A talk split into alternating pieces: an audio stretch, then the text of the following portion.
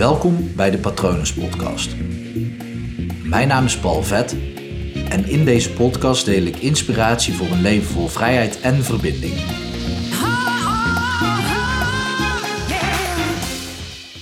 Als je je dromen wil waarmaken, is het super handig en slim om je kritisch denken te omzeilen. En dan kan je misschien denken, ja, maar mijn kritisch denken, dat is misschien wel zelfs wel wie je bent, wie ik ben. Of ja, dat onderscheidt ons van dieren, het kritisch denken.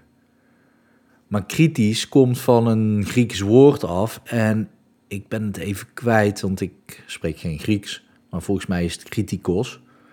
En ja, dat betekent eigenlijk gewoon norm. Vandaar ook dat je een norm kunt stellen door aan bepaalde criteria te voldoen. Dus dat betekent eigenlijk norm. Dus kritisch eh, denken betekent dan eigenlijk niks anders als normaal denken. En als je aan de norm denkt, dan denk je niet aan dromen. Want dromen zijn altijd abnormaal. Of buitengewoon, buiten het gewone. Dus het is logisch dat als jij je dromen wil waarmaken, dat je dan je kritisch denken moet omzeilen. Dan kan je denken hoe. Natuurlijk denk je dat dan. Um, een van de, nou ja, we weten het natuurlijk nooit zeker of dat het echt allemaal zo is gegaan. Maar een van de, degenen die daar heel goed in was, was Jezus. Want die vertelde verhalen waardoor mensen, nou ja, hij hij zorgde ervoor dat mensen stopten met kritisch denken, want hij vertelde wonderverhalen. Hij vertelde verhalen over wonderen.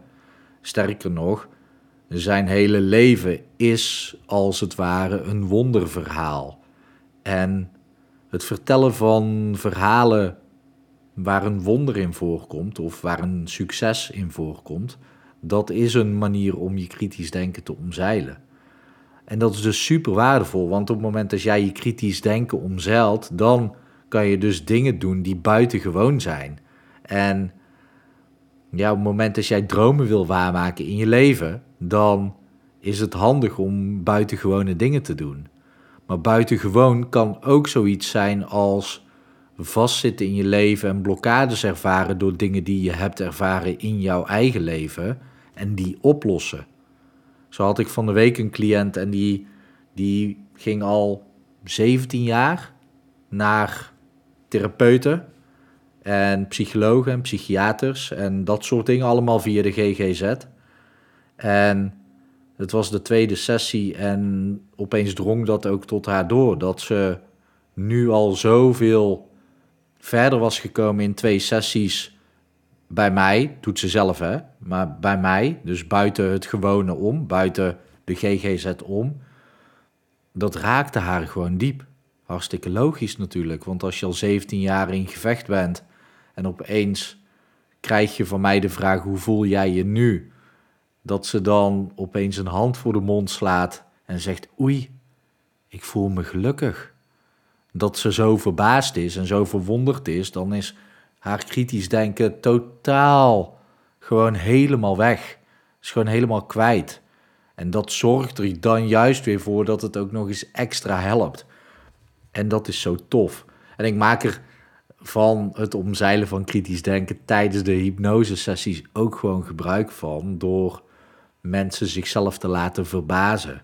Of door succesverhalen te vertellen of door ze te verwonderen door dit soort succesverhalen. Kijk, als ik therapie geef, dan zal ik ook altijd een succesverhaal delen wat betreft de techniek die ik toepas, want dat werkt gewoon. En dan zal ik ook, kijk, nu hou ik het bewust vaag, want ik wil niks verklappen over de cliënt. En ja, dat, dat sowieso het mag niet, maar ik wil het ook niet natuurlijk dat ik per ongeluk iets verklap. Maar dat is zo krachtig om dat kritische denken dan te omzeilen. En op het moment als dat omzeild is, dan ontstaat er geloof. En ja, het is wel handig dat, dat je gelooft dat hypnotherapie werkt. Als je dan een therapiesessie met mij boekt, natuurlijk. En wat ik dan ook doe, is je natuurlijk in hypnose brengen. Ik creëer wat verwarring. En Ja, nu met corona gaat dat wel even wat anders. Dat is misschien ook leuk om te vertellen. Ehm, normaal gesproken bij of voor corona raakte ik mensen aan. Wel alles met toestemming en gewoon bij de hand bijvoorbeeld, of bij de schouder of bij de pols. Om iemand in hypnose te brengen. En nu heb ik een aantal manieren om mensen in hypnose te brengen. En, echt een van de meest eenvoudige manieren is kijken naar een punt net iets boven je. Echt een specifiek punt. Blijf naar dat punt kijken. Ehm, je moet me trouwens, als je nu aan het autorijden bent, niet zomaar volgen. Ehm, of, als je aan het lopen bent of fietsen of iets aan het doen bent. Niet volgen. Maar dan zeg ik dus, uh, blijf naar dat punt kijken. En terwijl je naar dat punt blijft kijken, merk jij op dat je oogleden zwaarder en zwaarder worden. En natuurlijk heb ik daar vooraf allerlei protocollen gevolgd om ervoor te zorgen dat dat ook werkt. Maar één cliënt die gaf bij mij aan dat, nou ja, kijk, ik breng iemand nu dus minder snel, dus niet met een snelle inductie in hypnose, dat gaat op zo'n manier in ieder geval langzamer. En één cliënt vertelde mij dat zij het idee had dat dat voor haar heel erg traag werkte. Ehm, en dat zij ook niet echt het idee had dat haar oogleden zwaarder werden. En dan vind ik het dus leuk, want ik heb haar dus op een andere manier in hypnose gebracht. En nee, ik ga dat niet verklappen hoe. Uh, dus ik heb haar in hypnose gebracht. En toen heb ik uiteindelijk haar een verdoofd gevoel laten ervaren, wat je wel uh, van de tandarts kent, wanneer je een verdovingsspuit krijt. Dat heel je, je mond een beetje zo gaat hangen, dat je niet meer normaal kan praten en zo. En dat gevoel, dat stopte ik in haar uh, hand. En dat versterkte ik, dat verdoofde gevoel. En ik liet dat ook verspreiden door haar arm heen, waardoor opeens haar rechterarm helemaal zwaar en koud aanvoelde. Dat gaf ze ook terug, dus dat vond ze al een beetje gek. En toen zei ik, oké, in het moment dat ik van 1 tot 3, dan knip ik in mijn vingers. En op het moment als ik in mijn vingers knip, dan springt dat verdoofde gevoel vanuit jouw rechterarm in één keer naar jouw beide oogleden toe. En dat houdt in dat jouw oogleden helemaal verdoofd zijn en super zwaar aanvoelen. Dus ik zeg 1, 2, 3 en ik knip in mijn vingers. En ik zeg erbij, het is naar je oogleden gesprongen. En elke keer wanneer ik in mijn vingers knip, dan worden je oogleden zwaarder en zwaarder en zwaarder en zwaarder. Zo werkt dat dan. Maar omdat zij dus vooraf had gezegd dat dat bij haar niet zo goed werkte, heb ik dit bewust gedaan. Omdat ze, ik zag natuurlijk dat ze in hypnose was. En ik heb haar dus laten ervaren hoe het was dat haar oogleden daadwerkelijk zwaarder en zwaarder werden. En uiteindelijk vroeg ik aan haar van, nou, op het moment dat jij zeker weet dat ze zo zwaar zijn dat jij jouw ogen niet eens meer open krijgt, dan test jij ze. En zij test dat en ja, haar ogen gingen natuurlijk niet open, want ja, hè, ik had de staat van hypnotherapeut goed aangezet, ik had mijn werk goed gedaan, dus zij kreeg haar ogen voor dat moment niet meer open. Dat geef ik dan mee en het is helemaal veilig en ik stel iedereen altijd op zijn of haar gemak. Uh, no worries. Um, en het is ook alleen maar even om haar dus te verbazen. Vooral omdat ze dus vooraf zei, ja dat werkt niet bij mij. En dan dit laten ervaren. Ja, zij was zo verbaasd dat haar kritische denken meteen was omzeild.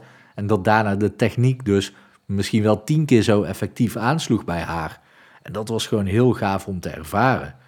En dat soort methodes, dat soort technieken, die zet ik wel in tijdens therapie om gewoon het kritische denken uit te schakelen.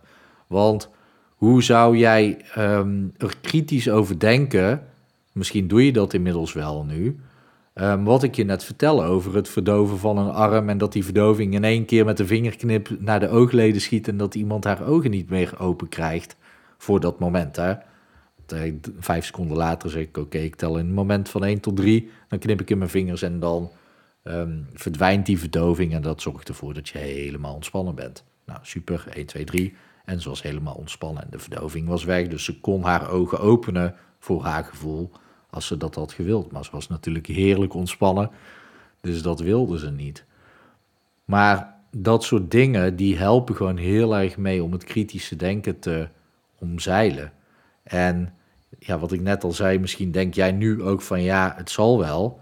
Op het moment dat jij dan in de stoel zit en jij denkt vooraf het zal wel en jij ervaart het, dan wordt jouw kritische denken ook omzeild. En dat helpt, want dat zorgt ervoor dat er ook gewoon andere dingen gewoon heel goed gaan in de therapie.